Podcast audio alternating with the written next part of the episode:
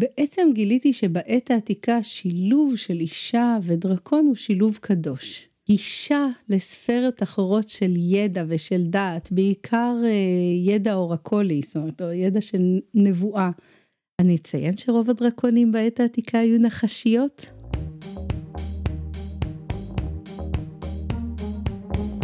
המצב הפוסט-אנושי, פודקאסט על טכנולוגיה, תרבות ורוח, עם דוקטור כרמל וייסמן.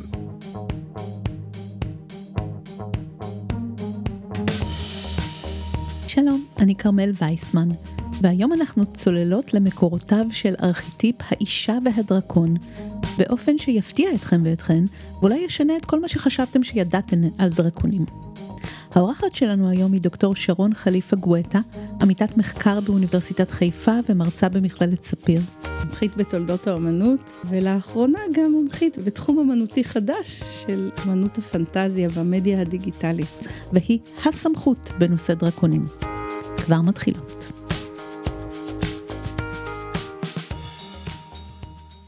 Godspeed.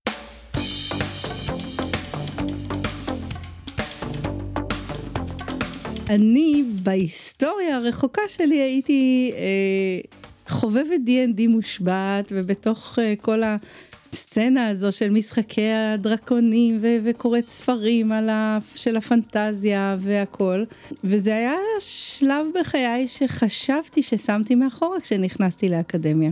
עד שבעצם למדתי קורס באמנות הרנסאנס ופתחתי ספר רישומים של אומן אה, בשם יעקופו ג'קופו בליני והספר רישומים שלו פשוט היה מפוצץ ברישומי דרקונים.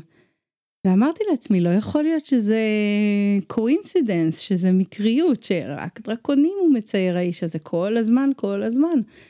אה, ואמרתי שאני רוצה לחקור את זה. המנחה שלי כמובן אמרה בשום פנים ואופן לא. אז אה, הלכתי ופשוט למדתי ידע אנציקלופדי ממש ממש עמוק על כל הדרקונים וכל הדימויים של הדרקונים והצגתי את זה בפניה על רפרט שערך שני שיעורים ו... ואז היא השתכנעה שיש כאן uh, חומר עם בשר ואחר כך עשיתי מחקר על הדרקונים של ליאונרדו. ליאונרדו זה ליאונרדו דה וינצ'י. מסתבר שהוא צייר דרקונים, ושהאמנות הזו הייתה קשורה לחקירה המדעית שלו.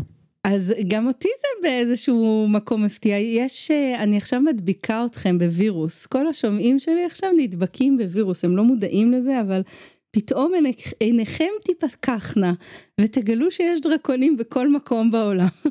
אז זה מה שקרה לי במחקר לאונרדו דה וינצ'י, בעצם מתוך המחקר של אה, יעקופו בליני פתאום התחילו לצוץ כל מיני השוואות וכל מיני רפרנסים ללאונרדו וגיליתי שיש ללאונרדו המון רישומים, לא ציור, היה ציור אחד אבל כנראה, כנראה אבל הוא עבד, אבל המון המון רישומים. של דרקונים, אני בעצם חיברתי את זה לתפיסות המדעיות של לאונרדו. בעזרת דימוי הדרקון נחשף לי עולם שלם של דימויים ואלגוריות שלאונרדו משתמש בהם כדי לדבר על מדע. בעצם הדרקון בתקופה הזו, הסמל, הוא סימל את הרוע, את הנגטיב, את האנטי המושלם.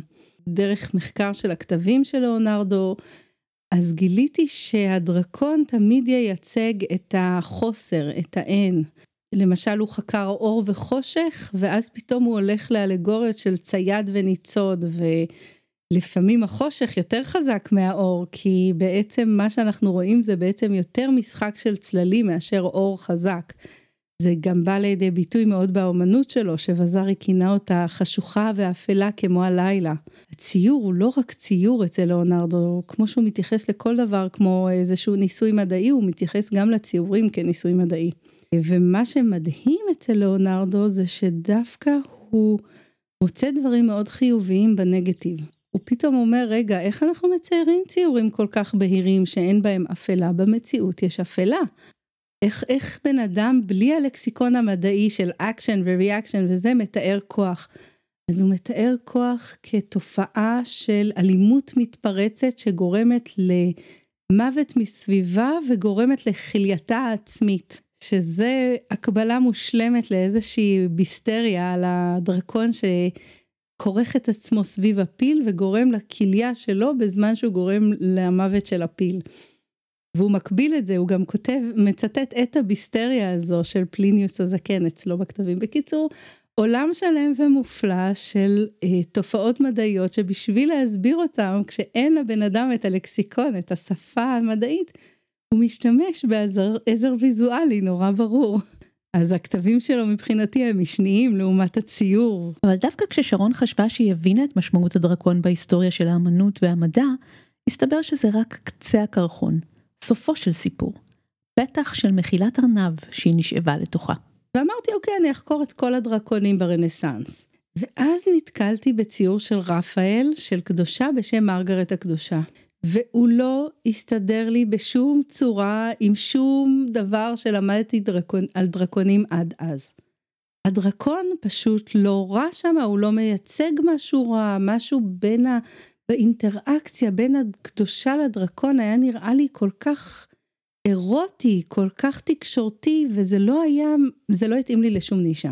וזה דר, דרש ממני לעשות מהלך ארוך מאוד ומסובך מאוד של להבין בעצם מה המשמעות של הדרקונים בעת העתיקה, ובייחוד נשים ודרקונים, כי פתאום הבנתי שמשהו אחר מתרחש. לפני שנרד עם שרון במורד מחילת הארנב, אנחנו צריכים להבהיר שתי נקודות חשובות. האחת, דרקון זה בעצם נחש. נחש מעופף. בעצם אין הבדל בין דרקון לנחש. אולי בגלל זה שרון מגלה אותו ברנסאנס כסמל של רוע וידע כאחד. זה ארכיטיפ נחש גן העדן. בעת העתיקה אנחנו קוראים בספרות את המילה דרקון או אופ, אופוס ואנחנו רואים נחש. הנחש והדרקון זה היי נוח בעת העתיקה ואפילו בעת החדשה המוקדמת. זאת אומרת ללאונרדו למשל יש באמת אה, תרשים קטן כזה שהוא אומר הדרקונית דווקא הוא באופן ספציפי גם ממגדר את ה... דרקון כאן, הדרקונית מאיימת על האדם הישן והלטאה עומדת בין הדרקונית והאדם הישן ושומרת על הישן ואנחנו עדיין רואים אותו כותב דרקונית ומצייר נחש. אז נחש ודרקון זה היינו הך, אבל דרקון גם יכול להיות לוויתן, קרוקודיל. אנחנו הרבה יותר מסתבכים כשאנחנו מגיעים ממש לתערובות מורכבות, כמו מדוזה או החימרה, שזה בעצם אישה, ומה שנחשי בה זה השערות שלה. או החימרה זה הגוף המתפצל של אריה וגדי, ובזנב יש לו נחש. אבל אה, רוב החוקרים מחשיבים גם אותם לדרקונים. שנית, וזה כבר נרמז עם ליאונרדו, הרבה מהדרקונים הם בכלל דרקוניות. עוד הרבה לפני הדרקונית של שרק. אני אציין שרוב הדרקונים בעת העתיקה היו נחשיות. אם זאת תיאמת, אלת ה... הים המלוח והכאוס, או אם זו הדרקונית הסנסקריטית שחיה במעמקים. אפילו פיתון יש לו חלופה בשם דלפינה. הדרקונית של דלפי. אני חושבת שזה מרתק, כי בעת העתיקה אנחנו פוגשים דרקונים ודרקוניות אה, כמעט אה, שווים, באופן שוויוני. אה, וואג'ט אה, ללא ספק אלה. אנחנו מוצאים דימוי שלה מניקה את תות הנחמון. אני אקח אותך עוד אחורה. אני מצאתי דימוי שחוזר על עצמו, כן? של אלה פרה-היסטורית. שהראש שלה הוא ראש של נחש והגוף שלה הוא גוף של אישה ואפילו יש לי אחד שמראים אותה מניקה מאור 4500 לפני הספירה. אני חושבת שבתקופה הקלאסית יותר, נגדיר את זה מאוד שישית חמישית לפני הספירה, אנחנו עוברים ליותר דרקונים גבריים בהרבה. אני למשל מזכירה לכם שבאודיסאה יש לנו את סקילה וקריבדיאס, אה, וסקילה היא דרקונית נשית, גם היא מופיעה עם, בדימוי אנגואפדי של חצי אישה וחצי דרקון, אבל שמה לפי הסיפור היא דרקונית עם שישה ראשים, שככה במערה חוטפת את כל מי שהיא רוצה. התחלנו עם איזשהו שוויון, ואז התרבות היוונית המאוד מאוד אה, פטריארכלית, מאוד מאוד אנדרוצנטרית, רוב הדרקונים הופכים להיות גבריים, זכריים, עוד נגיע למה זה אומר, אבל בואו נתחיל מההתחלה. בתנ"ך, בישעיהו י"ד פסוק כ"ט, מתוארת סוג של התפתחות מנחש לדרקון. כי משורש נחש יצא צפה, ופריו שרף מעופף. אני שואלת את שרון, מאיפה בעצם נוצר דימוי הדרקון? אז יש שתי תיאוריות. התיאוריה האחת זה שזה היה מיתוס כל כך כל כך קדום שבעצם כבר בשלב ההגירתי הראשוני של ההומיאו ספיאן מאפריקה הם נדדו עם המיתוס הזה והוא עבר מפה לאוזן מפה לאוזן דור ודור ובאמת דרקונים אנחנו מוצאים בסין. באמריקה הפרה קולומביאנית אצל האבוריג'נים באוסטרליה זה באמת סמל שמופיע בכל תרבות קדומה. יונג בהחלט ידבר על הדרקון כארכיטיפ. דרך אגב אצל יונג הוא ארכיטיפ של האם הגדולה שהלוחם צריך להילחם בדרקון סלש האם הגדולה. הוא ממש אה, מטמורפוזה של האם הגדולה המיטיבה ההרסנית. התיאוריה השנייה מדברת על התפתחות מקבילה. זאת אומרת שזה באמת איזשהו ארכיטיפ שמבקש להיוולד. אה, ובספר שלי אני דווקא עושה איזשהו מהלך קצת אה, מוזר ומחברת את האומנות לביולוגיה. ואני מראה איך הביולוגיה של הנחש עם כל מיני אה, מאפיינים שלו, כמו זה שעיניו פקוחות לנצח, כמו השלט האור, כמו הארס, כמו המבנה הזה האורכי, שהוא בדיוק ההפך מבן אדם, אם בני אדם עומדים זקופים וכמעט כל השפה שלנו בנויה על אותה זקיפות קומה. האפ, הלמעלה, הוא טוב, הוא משמח, הוא האלים, והדאון הוא הרע, הוא החולי, הוא הלמטה, אז הנחש מהווה בדיוק את המטאפורה ההפוכה לגוף האדם, הוא לחלוטין הוריזונטלי. שוב פעם תזכרו כל הזמן שזה דימוי שבני אדם המציאו, אין דרקונים.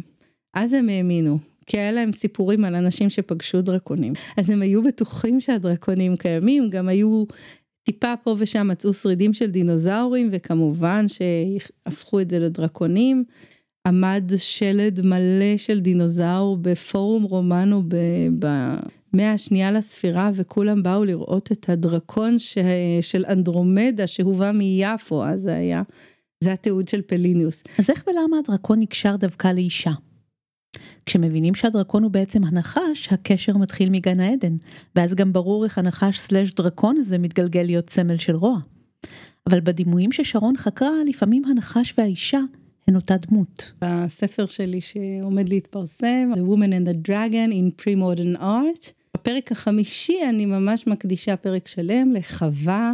ומאוחר יותר ללילית, לנחש גן העדן שהופך להיות הלילית, בעצם אה, דימוי שקוראים לו אנגואפדה או דרקונטופדה של שילוב של אישה ונחש. אבל אני אקח אתכם עוד הרבה הרבה קודם לכל מיני מחקרים ממש ממש בעת העתיקה, אם של אלות גדולות כמו וואג'ט או איסיס המצריות או אה, אתנה והיגיה היווניות סלש מאוחר יותר רומיות. בעצם גיליתי שבעת העתיקה שילוב של אישה ודרקון הוא שילוב קדוש. הוא שילוב של קדושה ושל אה, גישה לספרת אחרות של ידע ושל דעת, בעיקר אה, ידע אורקולי, זאת אומרת, או ידע של נבואה. אה, מאוד מעניין לראות את זה באמת ביהדות, שהראשי תיבות של נחש זה בעצם נחש. וניחוש בתנ"ך, המשמעות של זה זה באמת נבואה. מיותר לציין שחווה, שם שלה זה בארמית נחש? חווה, כן, זה נחש. וככל שמתקדמות השנים, ככל שהנחש מקבל כל מיני סטריאוטיפים וביוסים של רוע, וזה לא התחיל שם, אז בהתחלה הוא היה אפילו מטעם האלים, שומר מטעם האלים על כל מיני, אה, גם קדוש, עץ קדוש. כאוס הוא לאו דווקא דבר רע בעת העתיקה, ורק לאט לאט יכול נגיד שמצרים מתקדם והתפיסה של הסדר לעומת הכאוס הפכה להיות תפיסה של טוב ורע, אז אה, הנחש זכה אה, לעמוד בצד הלא נכון של ההיסטוריה, מה שנקרא. בפרק 21 סיפרנו שלפני הדתות המוכרות לנו כיום, הדתות הפופולריות בעולם היו גנוסטיות, עם תפיסות מאוד דיכוטומיות של טוב ורע. אבל עוד לפניהן, וגם אחריהן, הטוב והרע היו יותר נזילים, יותר כאוטיים, ואפשר לראות את זה בסיפור של הנחש. בפרק 29 שבו עשינו תיאולוגיה יהודית של טכנולוגיה ודיברנו על משמעויות הנחש, הדגשנו שהוא לא סמל של רוע במקור ביהדות. גם בציטוט שהזכרתי קודם מהתנ"ך שקרא לדרקון שרף מעופף, המילה שרף היא מילה דו משמעית שמתארת גם מלאך. הנצרות היא זו שמתמקדת בחטא גן העדן, מזהה את האישה עם הנחש, ומחדדת את הפרשנות השלילית של השניים. הכניסה של הנצרות לכל העולם של הפולקלור זה נקודת מפנה מאוד חשובה בהיסטוריה של הנחש, כי עד אז הוא היה יריב. כן, הוא, הוא שימש תמיד ל, ל, לפרופגנדה של המלך הטוב. המלך הטוב או מלך האלים הטוב היה צריך להביס איזשהו נחש, אבל הנחש הזה היה כוחות הטבע, כוח אה, נוגד שתמיד קיים. פחות היו לו, היה אטריביוטה של תכונות רעות. וכשבברית החדשה, בעיקר.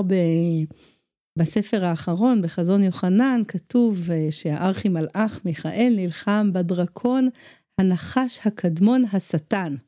הם יצרו את ההקבלה הזו של ישו, שהוא הטוב, ופתאום השטן הפך להיות דרקון, ואפשר לראות גם שבאיזשהו מקום הנצרות נאבקה דווקא בתקופה של פריחה עצומה של כתות נחשים או כתות דרקונים, איך שנרצה לקרוא לזה. במאה השנייה, השלישית לספירה, היו לנו המון המון, אה, יש המון תיעודים של נחשים אמיתיים או דמיוניים שזכו להערצה מאוד גדולה, אם במקדשים של אסקלפיוס אל הרפואה.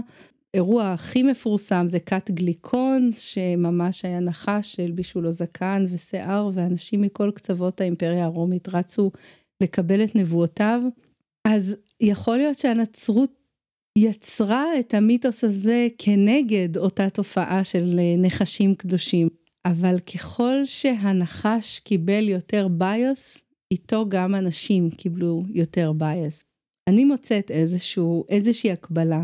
עליית המיזוגניות, אם אפשר לקרוא, נגד נשים, וההאדרה של הרוע, של האספקטים של הרוע אצל הדרקון.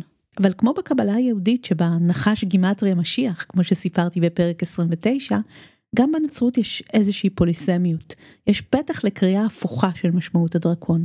דווקא חיברת אותי למאמר אולי אחד הטובים ביותר, uh, Jesus the, Magical, the Magic Dragon, שמראה שבעצם ישו על הצלב הוא פיגורציה למה שהיה קדום לו כפרפיגורציה לנחש הנחושת על המוט. וישו על הצלב הוא בעצם דרקון. רחמנא ליצלן. אז עכשיו אנחנו יכולות לחזור למרגרט הקדושה, שצוירה גם על ידי רפאל וגם על ידי טיציאן, והייתה שונה מדימויי הדרקון נחש קרע, ולהבין מה הקשר בין הדרקון לקדושה הנוצרית. אגב, את הציורים שאנחנו מזכירות אני אשבץ בתמלול של הפרק כתמונות או לינקים בהתאם לחוקי זכויות היוצרים. כשהגעתי בחזרה לרפאל ואחריו לטיציאן, אז באמת משהו אחר לחלוטין אה, קורה שם, הרבה יותר אמ, אהבה של הדרקון, אה, איזושהי אמ, אינטימיות. יש כאן גם סיפור של הדרקון כ, כדרקון הנוצרי והקדושה שמביסה אותו, אבל גם יש סיפור אחר. רוצים שנחשוב שהסיפור שלה היא של קדושה שוחטת דרקון, הוויזואליה שלה היא אחרת לגמרי. הסיפור שלה זה בזמן שהיא עברה את העינויים כמו מרטירית טובה, וכנראה מרטירית שלא הייתה באמת קיימת. אה, היא בתא הכלא שלה ביקשה מאלוהים לראות את האויב שלה ודרקון גדול התגלם בכלא שלה. כאן הסיפור מתפצל לשתי וריאציות, וריאציה אחת היא מצטלבת והדרקון נעלם, ווריאציה שנייה הוא בולע אותה והיא מצטלבת בבטנו ופורצת את בטנו. כאן יש מתח מאוד רציני בין האומנות לספרות, כי בעוד שהספרות מציגה אותה קצת כשוחטת דרקון, באומנות מה שאנחנו רואים זה אישה יושבת בתוך דרקון, תדמיינו קפקייק, תדמיינו נר שתקעו בתוכו, ככה היא נראית. הדרקון חי, תמיד באומנות הדרקון חי, יש אולי שני מקרים שהוא מת, אה, והוא מצטרף אליה לתפילה, והוא אה, נורא רגוע ושלב רוב הזמן, ופתאום הם מציגים את הקדושה כמו הפיתיה, כמו אותה אה, נביאה גדולה שהייתה במקדש של אפולו בדלפי. אני מאוד מאמינה בזה שהם נתנו כל מיני מסרים מרובדים בשכבות, שחלקם היו מאוד נוצרים קלאסיים, אבל חלקם אפילו חתרנים אולי אפילו. וזה, אני מקשרת את זה גם לעניין של הפטרונית המקבלת, זאת אומרת, מי שהציור נועד עבורה. אני מחברת את זה באמת לאיזשהו שינוי, איזה שהם תמורות שהתרחשו אה, במעמד של אישה באותה תקופה. ורפאל וטיציאן כאומנים גבריים, שיש להם הרבה מאוד פטרוניות נשיות, מגיבים לזה.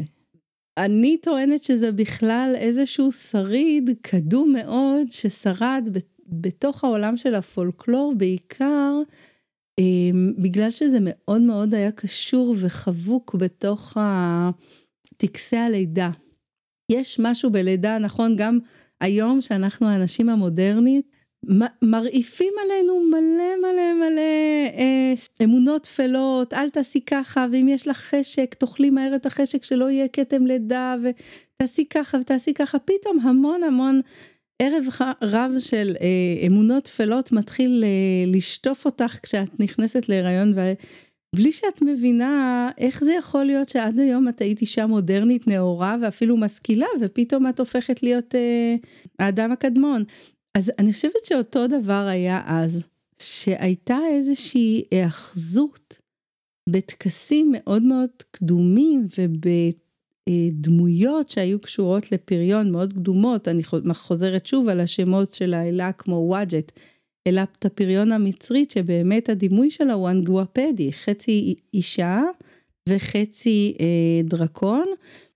מרגרט נוצרה לטענתי כדי לחפות על אותו פער שנוצר בין אה, הכמיהה להיאחז באמיולטות קסם למשל שהיו אה, מאוד קדומות שהציגו את הדמות הזו, אמיולטות בשם היסטריה שהציגו את מדוזה עם הראש מלא הנחשים. או אה, להיאבק באותה אה, שדה מסוכנת, אותה לילית אה, אנגואפדית שחצי מהגוף שלה הוא נחשי וחצי השני הוא נשי והיא הייתה השדה המסוכנת בזמן של הלידה. וככה נולדה לה מרגרט וזה אולי הסיבה לפער הגדול בין התיאור המילולי שלה שבאמת מתאר אותה כשוחטת דרקון. אני לא אדבר על ההתנגדות הגדולה שהייתה בכנסייה נגד הרעיון שהיא בעצם הביאה את הדרקון והמשה את הדרקון לפני שהיא שחטה אותו. ולבין האומנות שמציגה אותם פשוט אה, חיים יחד באותו דימוי אנגואפדי שחציו דרקון וחציה אישה.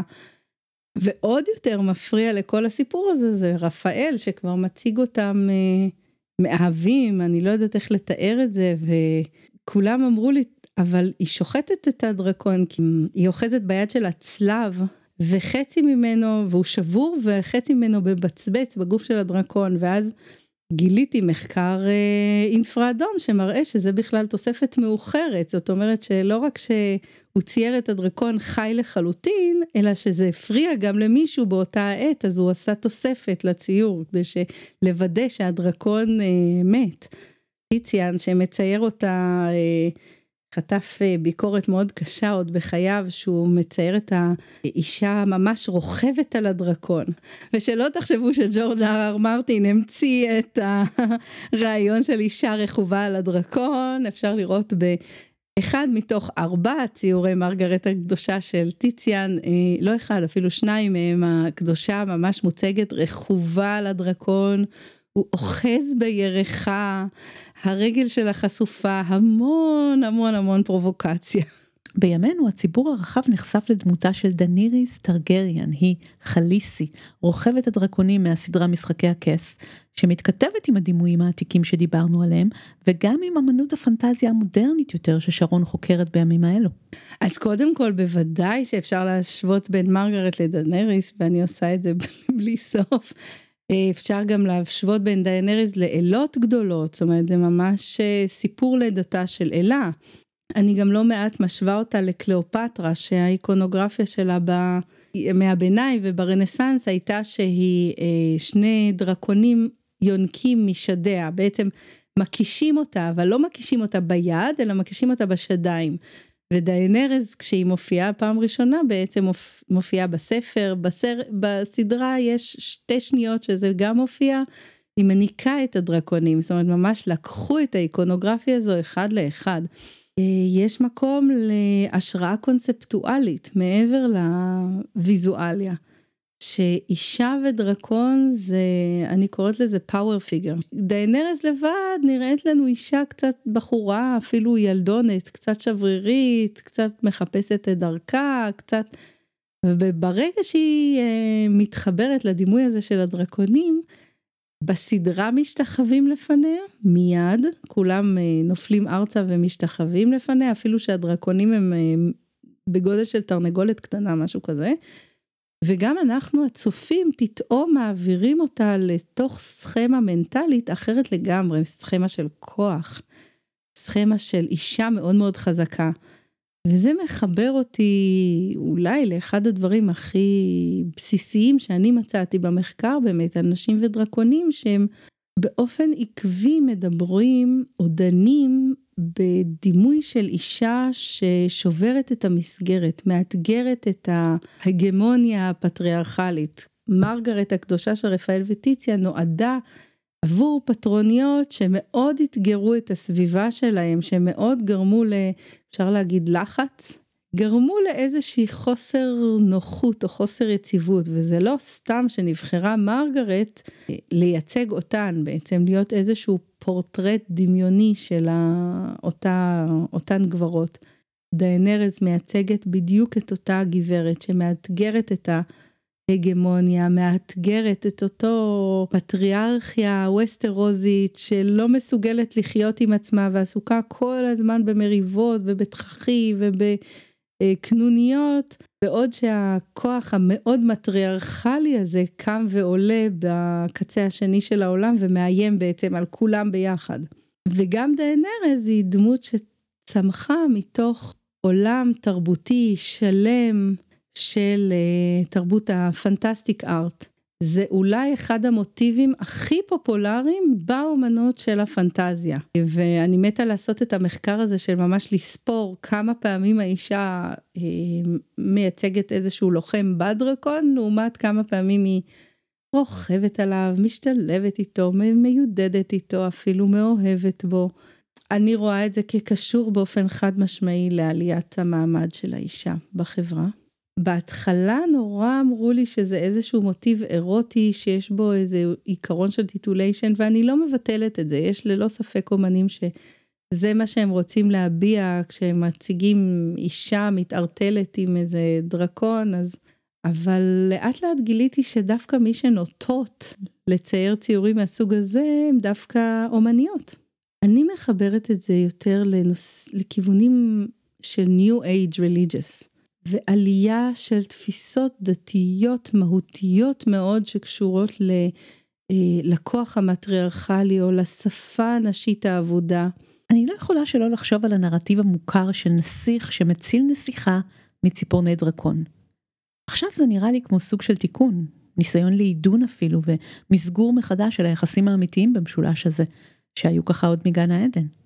הנסיכה היא לא באמת נסיכה, היא לא באמת זקוקה להצלה כנראה. היא בכלל לא צריכה שהוא יציל אותה כי הדרקון עליה לא מאיים. הוא אף פעם לא איים אני אשים בסוגריים גם אנדרומדה. היא לא הקורבן אלא היא הבת זוג העתידית שהקשר בינה ובין הדרקון נחתך.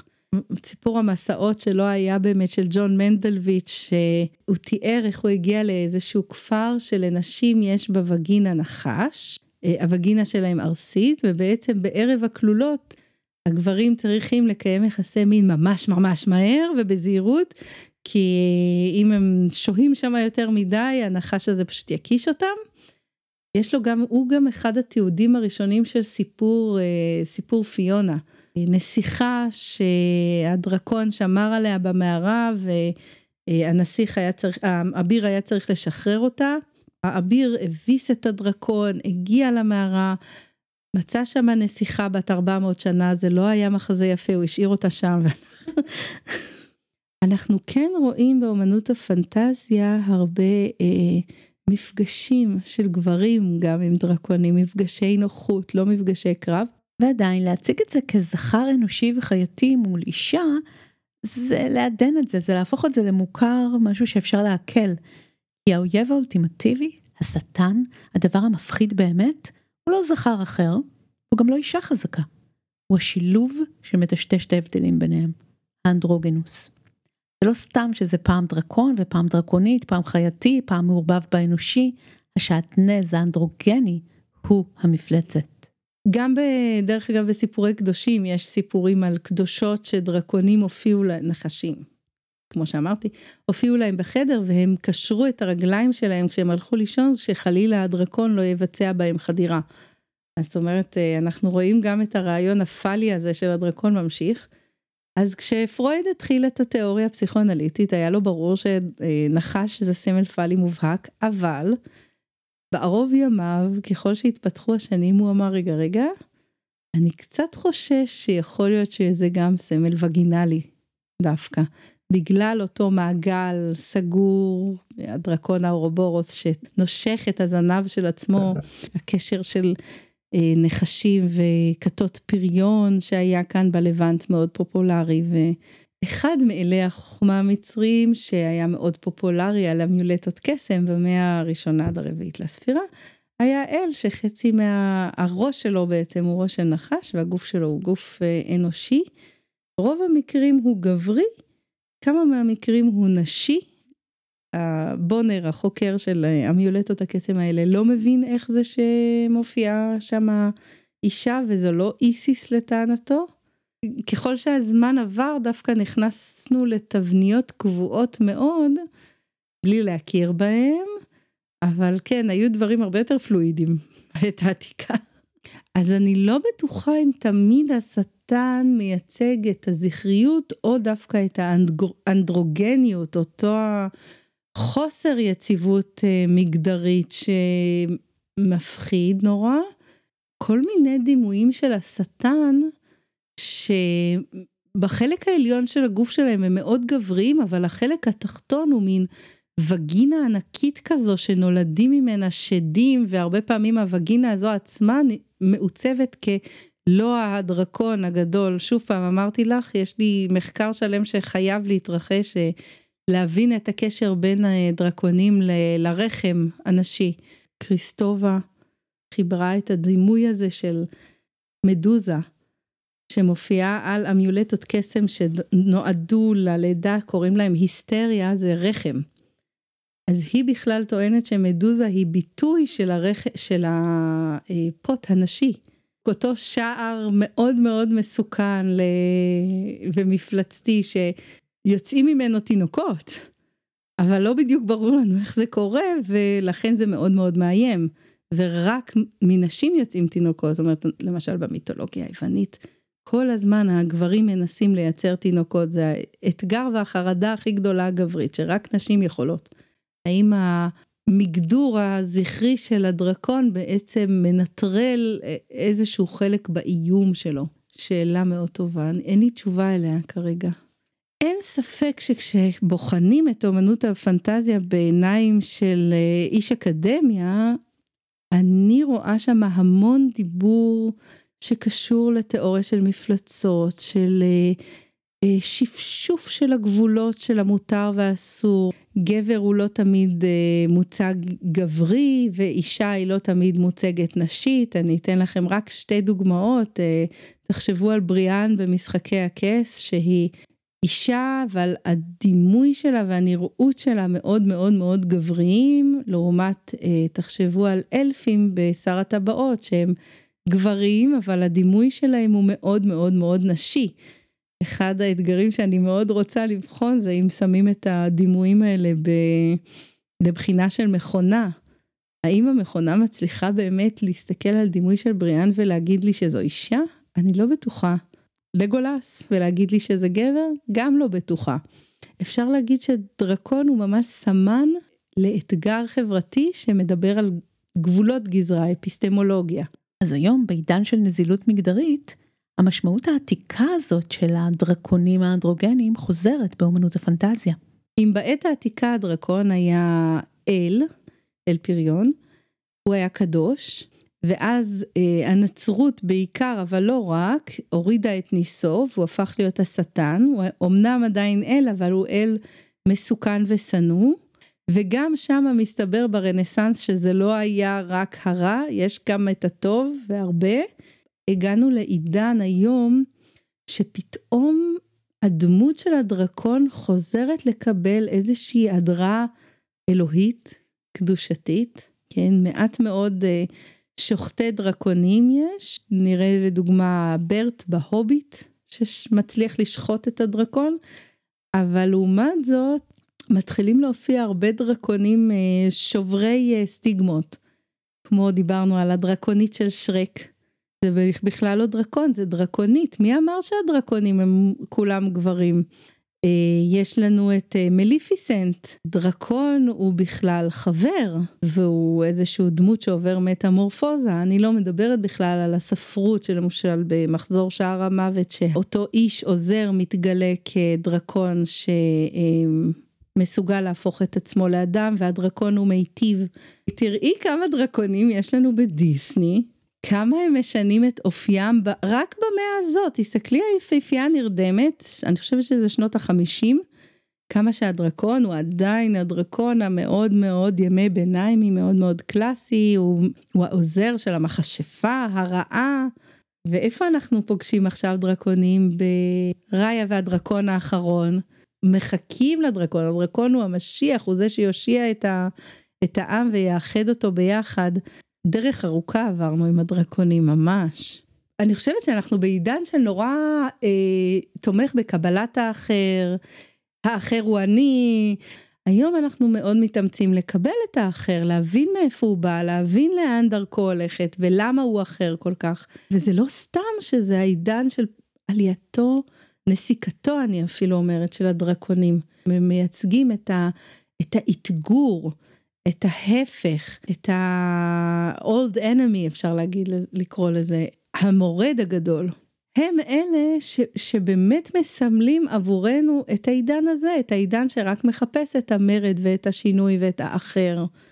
מי אם לא אנשים מחפשות את האחר, והיינו באיזשהו עידן של פריחה של הפמיניזם הרדיקלי, ועכשיו אנחנו חשות מאוד חזק איך המטוטלת אה, חוזרת בחזרה, בעיקר עידן הקורונה שהשאירה כל כך הרבה נשים בבית וגרמה לנסיגה כל כך קשה ולהבלטה של בעיות אלימות נגד נשים, ומי אם לא אותו שילוב של האישה והדרקון שמנסים עכשיו לחפש אפיסטמולוגיה חדשה להוויה הזו שנקראת נשים. קיימת מהות מטריארכלית בנפש האישה שלא מקבלת את המרות הגברית ולא מקבלת את הכפייה של השפה הגברית עליה, שתיוצג על ידי אותה אישה קדמונית שמשולבת עם הנחש הקדמון. החיפוש אחר אותה אם גדולה, שתוביל את הדרך שלנו הפמיניסטית לכיוון של שחרור, לכיוון של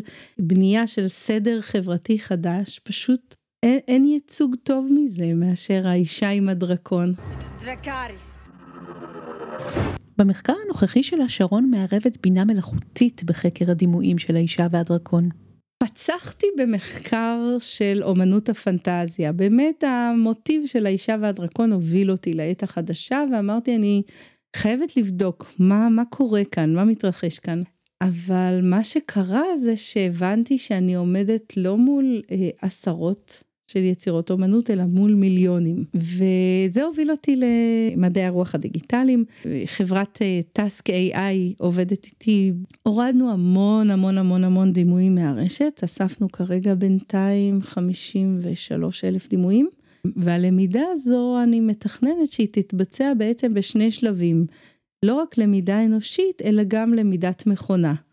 ללמד את המחשבים לראות את הדימויים, לזהות בהם פריטים, אטריביוטים, אה, אבל כבר בשלבים ראשונים למשל מאוד עניין אותי תופעה שבאמת הדרקונים, אם אנחנו, אני חוזרת איתכם למה שדיברנו קודם, הדרקונים מזוהים רק כגברים, אז מתחילים לתייג אותם כנון ג'נדר ומיד הם הופכים להיות גברים. זה גרם לי להרים גבה, האומנם? מה האינדיקציה שדרקון הוא זכרי, או מתי אנשים נלחמות בדרקונים? לעומת מתי אנשים חיות באושר ואושר עם הדרקונים, מתי מתחילות להופיע דמויות של נשים עם דרקונים, למשל אחד המחקרים שלי היה על מיניאטורות, אה, מאוד אופייניים גם כן לתרבות ה-D&D וגיליתי שרק ב nineties, רק בשנות התשעים התחילה להופיע דמות טובה, דמות שיש לה סממנים חיוביים של אישה עם דרקון, אישה אלפית עם דרקון, אליסה לייטייג' ולפני כן היו מלא דרקוניות אבל הם לרוב היו מקוטלגות כמפלצות, כל הנאגות למיניהם, נאגה זה גם כן, השם נאגה, המילה נאגה זה נחש. אה, אז אילת נחשים הודית, מתי מדוזה זכתה למטמורפוזה ולהיברידציה עם החידנה, אני לא יודעת, אה, בעת העתיקה זה לא היה. אני לא מפסיקה אה, לגלות דברים חדשים באומנות הפנטזיה כל יום ובעיקר חשוב לי שזו אומנות שתתחיל לקבל איזושהי הכרה פורמלית של האקדמיה כאומנות שאומנם היא אומנות פופולרית ללא ספק אבל יכול להיות שיש סיבה טובה לכך שהיא פופולרית. לסיכום, אני מדברת בפודקאסט הזה הרבה על מדע בדיוני, וכבר מהפרק הראשון התלוננו על זה שהוא דיסטופי והוא לא יכול להציג לנו חזון חיובי לעתיד האנושי. פנטזיה לעומת זאת נתפסת כאסקייפיזם טהור, אבל שרון מציעה שאולי דווקא שם נמצאת התקווה. מאוד יכול להיות שהספרות שקרנה עכשיו עולה של הפנטזיה, באה להחליף, לתת אלטרנטיבה אוטופית ל science fiction.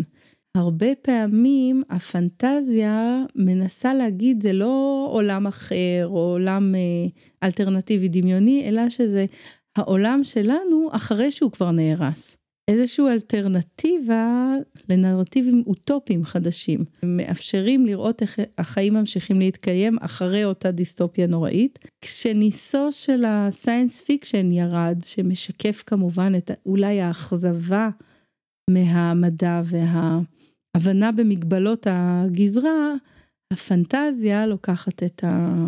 את הבכורה. משהו בפנטזיה מאוד מעדן לנו ומאפשר לנו לעכל את המציאות כשהיא קשה וחמורה מדי, איך טולקין איבד לנו את החוויות של מלחמת העולם הראשונה, ויותר גרוע השנייה, שזה שם, וזה רחוק, וזה במקום מנותק, נורא קל להגיד הטובים והרעים. למשל, אחת הטענות הכי גדולות זה שהפנטזיה זה אסקפיזם, זה פשוט טעות במהותה. בעיקר שאתה משחק D&D ואתה חווה את ה... אני קוראת לזה טקס, סליחה שאני מתייחסת לכל תרבות הפנטזיה כאל דת ניו uh, אייג' שצריך להכיר בה כאחת, שיש לה טקסים ויש לה מפגשים ויש לה כל מה שאתם רוצים uh, והמיולטות קסם ומה שלא תרצו. כשאתה חווה משחק D&D ואתה ממש נכנס לזה ואתה רואה איך כל אחד מכניס את התסכולים שלו. ואת הדילמות האישיות שלו, ואת הקונפליקטים הנפשיים שלו לתוך הדמות שלו, לתוך המשחק, אתה מבין שיש כאן בעצם סשן של ריפוי, ויש כאן משחק שהוא כל כך הרבה מעבר למשחק, וכל אחד בדרכו מאבד את המציאות המורכבת שלו דרך המשחק, וזה לא אסקפיזם, להפך. בפרק הזה לקחנו את מוטיב האישה והדרקון ועשינו לו טיפול שורש, עד למקום שבו גם האישה וגם הדרקון משילים את כל הנשלים ומייצגים ארכיטיפ של כוח קדום שבורא והורס גם יחד. זה חיבר אותי שוב גם לפרק 18, שם דיברנו על המהפך שעשה התנ"ך כשהוא ייצר קטגוריות ויצר איסור לערבב אותן. למעט אותו רגע בפורים אולי, שבו מצווה לשתות עד דלא ידע, ואז אנחנו יכולים להציץ לרגע למציאות שבה אין באמת הפכים. המן ומרדכי הם בלתי ניתנים להבחנה, וזה אותו המקום שבו מתאחדים גם הזכרי והנקבי, האנושי והחייתי. זה המקום הלא דואלי, הפוסט אנושי הזה, והוא לא בהכרח מקום שאפשר לחיות אותו ביומיום. אבל האישה והדרקון הם ללא ספק הסמל הבלתי מעורער שלו. ואנחנו רואים שוב שלפעמים העתיד הוא פשוט העבר העוד יותר רחוק, שיש משיכה לסגור מעגל עם התוהו ובוהו, עם הכאוס הטרום בראשיתי, עידן התנינים הגדולים, שהדרקון וגם הנשי מגיעים ממנו לסיפורי הבראשית. בפרק הבא נחזור ליצירות תרבות בנות זמננו ונבחן מהו פוסט-הומניזם תרבותי. עד אז שמרו על קשר בסושיאל של הפודקאסט ונשתמע בקרוב.